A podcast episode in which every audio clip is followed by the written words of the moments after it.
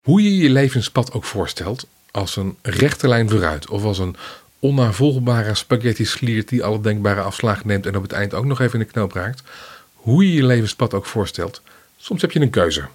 Linksaf of rechtsaf. Soms moet je de keuze gelijk maken, soms mag je er ook nog een nachtje over slapen, maar de keuze moet je maken. En dan is de vraag, welke kies je?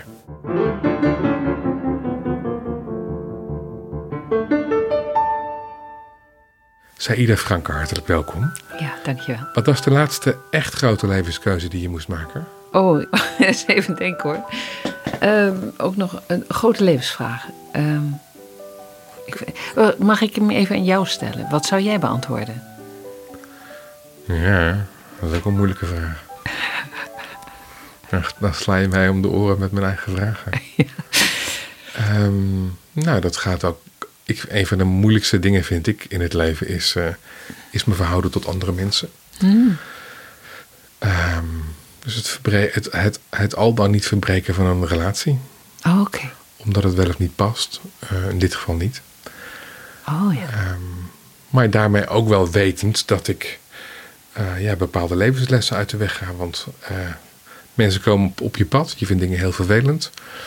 maar dan heb ik wel de keuze om of ervoor weg te lopen, of de les nu eindelijk een keer te leren. Hmm. Ja, dat is een belangrijke keus hmm. die ik recent gemaakt heb. We gaan zo direct mogelijk ook nog over die van jou praten. Ja. Maar eerst ga je vertellen over een uh, sprookje over levenspaden. Klopt. Je moet je voorstellen, er zijn twee broers. En voor het gemak noemen we de ene A en de andere noemen we B. En broer A, die zegt: Ik had een droom. Wij liepen samen op een weg en toen kwamen we op een kruispunt aan en daar stond een heilige man en die zei: Dit kruispunt is jullie start. Wilt u de rechte, eh, ik bedoel de rechterweg gaan met discipline en leiding van Allah of God? Of gaat u liever de linkerweg? Vrij en blij, zonder beperking of ideaal maar ook de weg van schandaal en moraal. Broer B zegt: Tss, dat is gek. Ik herken dit verhaal helemaal. Deze droom heb ik ook gehad. Die ging over het bewandelen van het juiste pad. En broer A zegt: Ja, ik wist meteen wat ik wilde: de weg van de discipline gaan. Maar ja, ik zag jou op de linkerweg staan. Ja, zegt broer B. Dat klopt, want een uitgestippelde weg is niets voor mij. Ik moet kunnen ontdekken, want anders voel ik me niet vrij. Broer A zegt: Ja, ik weet dat ik jou in mijn droom eerst zag genieten. Ja, zegt broer B, gezellig kletsen met de meisjes en wat eten en drinken en niet te veel op je woorden passen. Of de tijd helemaal vergeten. Het leven is vol plezier. Lekker lang gamen en ik begin mij al snel van het gebed en de goede, het goede te vervreemden. Broer A. Ik let daarentegen op op wat ik eet en drink. Ik klets niet met de meisjes, zodat ik mijn goede manieren niet vergeet. Ik let op mijn woorden, ogen en oren en op de tijd. En dat hele vrije gevoel, ja, dat raak ik dan wel kwijt. Maar ik doe vijf keer de salaat en lees zoveel mogelijk hadith en Koran. En ik ben ervan overtuigd dat daar leiding voor mijn hele levensweg in zal staan. Broer B zegt: Praten over dat soort dingen, ik begin het te verdringen. Ik zet mij er tegenaf. Geen moraal, gewoon genieten. En dat noem ik normaal. En zo zijn ook de vrienden waar ik mee omga. Die willen eigenlijk dat ik steeds verder ga. En des te verder ik ga, hoe extremer en hoe grover de dingen zijn, op de rand van schandalig, ja, dat vind ik fijn. Broer A zegt: Het doet me verdriet om in mijn droom jou zo te zien. Kan je niet terug naar de weg van discipline misschien? zegt broer B, ben je gek? Nee, ik moet er niet aan denken. Als ik in deze rotte wereld me beter wil voelen, dan moet je eerst nog wat alcohol inschenken. Astagfirullah, mijn broer. Kijk, we komen samen in een tuin met vruchtenbomen aan en ik zie jou daar in de verte staan. Broer B zegt, ik kan hier niet blijven. Deze tuin heeft alleen maar rotte appels op de grond. Deze wereld is verdorven en ongezond. Ik loop nu in grote verwarring door en heb nergens rust voor. Broer A zegt: De spiegel van je innerlijk zie je overal. Ik zie in deze tuin bomen met vruchten en schoonheid van de natuur. Ik ben zoals ik kijk, puur. Broer B. Inmiddels komt deze weg uit in de woestijn. De hitte van de zon, mijn slechte gedachten maken deze reis ondraaglijk voor mijn brein. De, de, daar, daar, daar is een leeuw. Oh help. Het wordt me te veel. Ik duik in een put en ik val en ik val wel 60 meter diep. Is het met mij gedaan? Ik weet het niet. Ik voel alleen maar angst, schuldgevoel en verdriet. En als ik val, kan ik mij nog net aan een struik vastklampen. In een ogenblik kan ik ook beneden mij een enorme muil van een draak, zien dampen. Ik ben zo bang. Zo verschrikkelijk bang. En nu wordt de struik ook nog leeggevreten door een zwarte en een witte rat. Duurt dit nog lang? Broer A zegt: Je begint van de vruchten te eten, niet wetend of ze giftig zijn of niet. O broer, je bent in zoveel ellende en dat doet me verdriet. Broer wacht eens even, vroom broertje. Ik zie jou net als ik de woestijn ingaan. En daar zie ik ook jou voor een brullende leeuw staan. Oh, zo stoer ben je niet, hè? En jij laat je ook niet verscheuren. Nee, je bent, niet, je bent net als ik. En dan laat je je niet, dat laat je niet gebeuren. En je duikt de put in, 60 meter diep, met ongedierte. Een draak met een open buil en een tak waar je nog net aan weet vasthouden. Maar daar zal je ook niet te veel op bouwen. Want ook bij jou bijten de zwarte en de witte ratten tak door. Jouw lot is hetzelfde. Waar is dan al die godsvrezendheid voor? Broer A zegt: Het verschil zit in de manier waarop je je val beleeft. Tijdens mijn val zie ik dat de tak duizenden vruchten heeft. Eerst ben ik bang. Maar dan zie ik dat alleen de schepper van alles dit kan hebben gecreëerd. Want dat heeft mijn geloof mij geleerd. Ik begin te bidden en te smeken en, en, en, en ik vraag, oh God, oh Allah, mijn geluk ligt in uw handen. Ik ben uw dienaar, ik wil u tevreden stellen. Laat me toch niet branden. Boer B zegt, nee, bidden doe ik niet. Wat heeft dat nog voor zin? Ik eet van de vele vruchten aan de bomen en alles lijkt een boze droom. Ik kan beter dan nog mijn maag behagen. Het zijn misschien mijn laatste uren of dagen. Boer A. Doordat ik inzie dat alles van God afkomt en doordat ik hem loof en prijs, verandert de muil van de draak in het paradijs. Boer B. paradijs. Je bent niet goed wijs. Hoe kan dat nou? Lieve mensen, deze droom van de broers is geïnspireerd op een verhaal van Said Nursi. Het verhaal is nog niet uit, want alle symbolen in de droom zijn, zijn niet gewoon, maar hebben een betekenis. Kijk, de ene broeder symboliseert de geest van de gelovige en het hart van de vrome, en de andere broeder symboliseert de geest van de ongelovige of het hart van de zondaar. De rechterweg is de weg van de Koran en het geloof, en de linkerweg is het voorbijgaande wereldse leven van de mensen. En tegelijkertijd zijn daar de goede en de kwade, de juiste en de verkeerde, de schone en de vieze dingen aanwezig. Hij, die verstandig is, handelt volgens de regel: kom nader tot hetgeen je gelukkig maakt, en neem afstand van hetgeen je ongelukkig maakt, en vervolgt zijn weg met een gerust hart. De woestijn staat voor deze wereld, de leeuw staat voor de dood. Het voorbestemde moment van het sterven, de put, staat voor het lichaam van de mens en zijn levenstijd. 60 meter diepte verwijst naar de gemiddelde levensduur van 60 jaar. De boom is de levensduur van de mens en staat voor zijn levensbehoeften. De twee dieren, een witte en een zwarte rat, verwijzen naar de dag en de nacht. Wat de draak betreft, zijn bek symboliseert het graf, dat de weg is naar de tussenwereld en de overgang van het hiernamaals. Voor een gelovige is deze bek een poort van een kerker naar een tuin. Het giftige ongedierte staat voor de wereldse beproevingen, die we allemaal moeten ondergaan. Dit betekent in het kort wie het vergankelijke leven ziet als een eigenlijke doel, ook al bevindt hij zich in een schijnbaar paradijs, leeft spiritueel gezien in een hel. En wie zich serieus richt op het eeuwige leven kan het geluk en beide werelden ondervinden. Hoe slecht of lastig zijn wereld ook zal zijn. Omdat hij deze wereld ziet als een wachtkamer voor het paradijs, zal hij begrip voor kunnen tonen, ermee te kunnen leven en in geduld dankbaar zijn. Ehm, waar gaat het over? Het gaat over twee levenspaden. Maar Hm. wat is de, de, de, de moraal van het verhaal voor jou?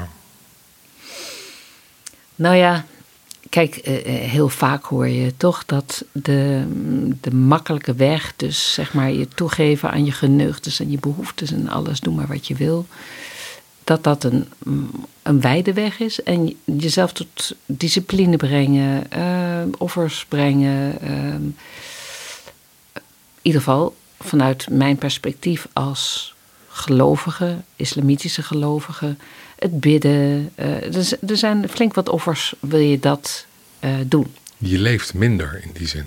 Ja. Ja. Het is, het is ook. Nou, wat, wat de essentie van het leven voor mij eh, is, ook vanuit de islam, is de balans. Dus ik vind hem hier ook een beetje. dit is echt heel extreem gesteld. Want ik denk dat de balans, als je te. ehm, als je ook pas begint met het geloof, dan word je hartstikke streng en krampachtig en dit niet en dat niet. Nou, dat is uit balans. Dus het wordt wel degelijk gezegd dat het de bedoeling is dat je ook in dit leven geniet, genieten kan. En, eh, want anders word je een beetje. Lachen, dansen, zingen. Ja.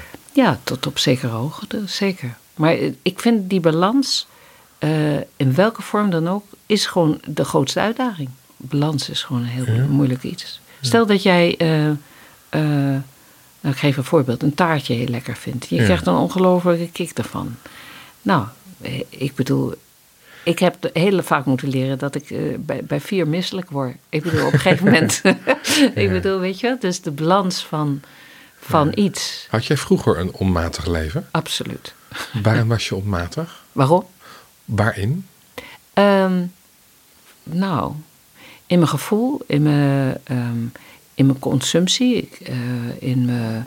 En je consumptie, wat voor consumptie? Nou, ja, ik, ik, eh, eh, voordat ik moslim was, dronk ik alcohol, eh, rookte ik. eh, Gebruikte je drugs? nou, alleen hashish.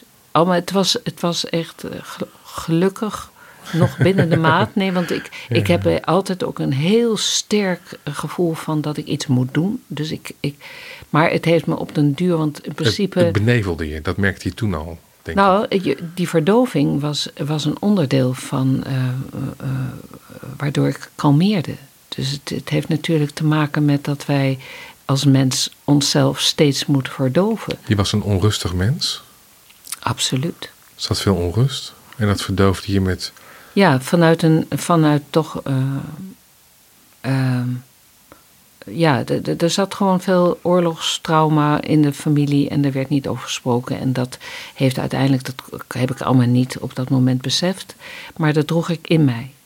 En, ehm, ik, En dat verdoofde je dus met, met, met alcohol, met eten en met hashish.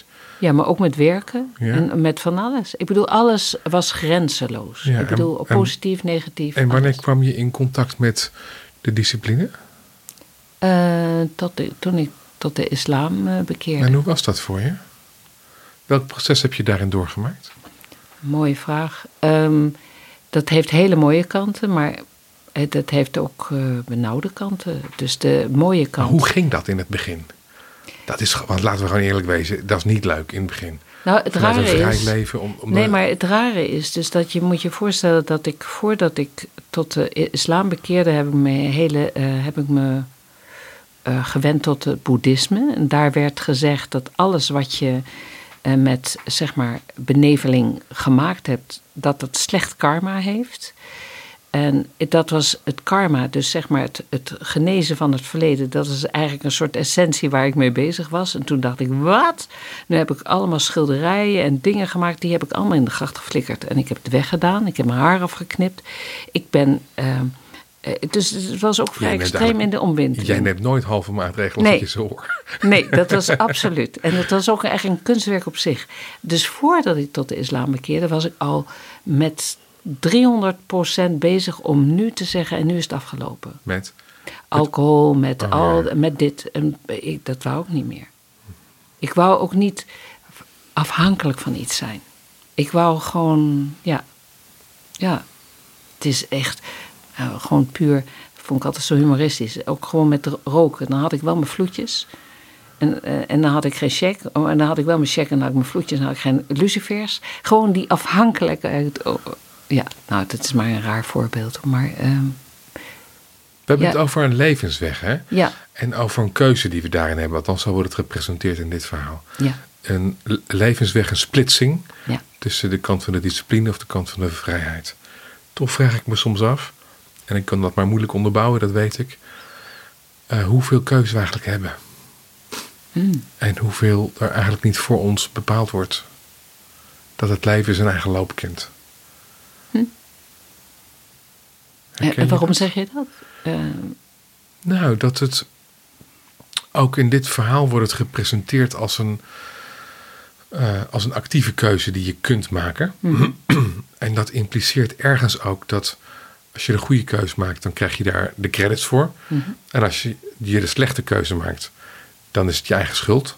Mhm. Terwijl je maar kunt afvragen in hoe, hoeveel we kiezen. En dat het leven zichzelf ook leeft door jou heen. Hm. Maar als het leven zichzelf leeft door jou heen, dan heb je eh, mogelijk ook niet zoveel te kiezen, alleen maar te ervaren. Ik ervaar het anders. Ja? Ja. Hoe ervaar jij het? Nou, ik denk dus dat eh, misschien omdat ik zo uitgesproken start had, dat ik eh, eh, dus elke keer bemerk dat je, Was het je eigen start? Nou ja, eh, ik of denk was dat het ook we- een start die van boven kwam? Nou, ik, ik ben van overtuigd dat ieder mens op de plek op de aarde komt, of hij nou leuk is of niet, dat dat zijn start is. En, en hoe eerder je dat kan accepteren, Hmm. hoe, hoe meer je alweer meer eh, eh, zeggingskracht hebt. Hè? Ja. Dus als je denkt dat het. en ik denk dus dat ook. Als het je gegund is, als je dit ook overleeft, want het was best een hele heftige start. En, en, en ik wil. eh, eh, ik zeg altijd van. Nou, ik heb gewoon het geluk gehad dat ik. Dat, dat ik. ehm, dat ik er nog ben. Weet je wel, het, zo extreem was het wel. En Wat bedoel je daarmee? Want je zegt dat je eigenlijk blij bent dat je het overleefd Nou, hebt. in dat, in, in dat opzicht eh, ben ik dus echt die broer B geweest. Dat, dat je zo zoekt naar een extremisme, ook in de negativiteit. En, en het was zo donker. Was, was er een kans dat je het niet overleefd had? Ja. Op wat voor manier? Nou, gewoon zoals je dat me- bij mensen ziet die, eh, Ten- waar het verleden te zwaar... Ja, die gewoon een zelfdestructief... ehm, want je bent ook... Ik was ook kunstenaar, maar bij kunstenaar zit een element in dat je altijd uit jezelf put. Dus dat kan ook te veel en te veel zijn. En dat je dan eh, letterlijk... Er was, was niet meer... Ik heb alles weggedaan, maar er was ook niet meer veel van me over. En, en ik heb dat door de discipline en weer een schoon leven, schone gedachten enzovoorts. Dus die andere No- kant. no- en nog ja, even terug met je welnemen. Het Ja. leven was zo heftig. ja, De start was zo indrukwekkend en zo, eh, en zo groot. Dat het echt een, serieus, eh, een serieuze mogelijkheid is geweest dat je het niet overleefd had. Ja. Dat je jezelf te gronden had gericht. zeker. En ik zie heel veel mensen waarvan ook hele extreme kunstenaars, maar ook mensen die echt in de psychiatrie terechtkomen, dat hele gevoelige mensen zijn. Maar waar, de, waar, de, waar gewoon. ehm, ja, je, stel dat je ook. Je, eh, je neemt een hashish en opeens pom, is de, is de scheidingsweg eh, is weg. En zo denk ik dat wij allemaal als mens eh, al dan niet. Zeker, maar de een wat meer dan de ander. Absoluut. En ik herken net wat je zegt Ja, in mijn eigen leven, denk ik. Maar ik vind het wel indrukwekkend als iemand het ook zo hardop uitspreekt. hm, En het raakt me omdat ik het, omdat ik het zo herken. ja, Van ehm, nou, dat de wereld zo heftig bij je binnenkomt. En eh, dan ben ik niet zoals jij eh, vernoemd naar een grootmoeder. Die is vermoord in Auschwitz. Ik heb andere dingen meegemaakt. Minder heftig in die zin. Maar het leven maakt wel zoveel indruk op me. Hm. Steeds weer. En ook zo'n grote gevoeligheid. En ik ook niet altijd daarvoor willen afschermen. Mhm. Nou, als jij zegt, het is een wonder dat ik er nog ben, dan dat raakt ergens aan me. Ja. De grens is ook heel dun, hè, tussen eh, de mensen die we in psychiatrie tegenkomen, eh, die we daar tegenkomen, en de mensen eh, die, in de kunst, die in de kunst werken of die, die creatieve dingen maken. Toch? Absoluut. Ja. Nou, pas heeft iemand weer een, het inzicht gegeven dat de geest maakt geen onderscheid tussen wat waar is en niet waar. Dus hij gaf het voorbeeld, eh, stel je lievelingseten voor je en breng die dichterbij. Ja, je hele systeem gaat al water maken.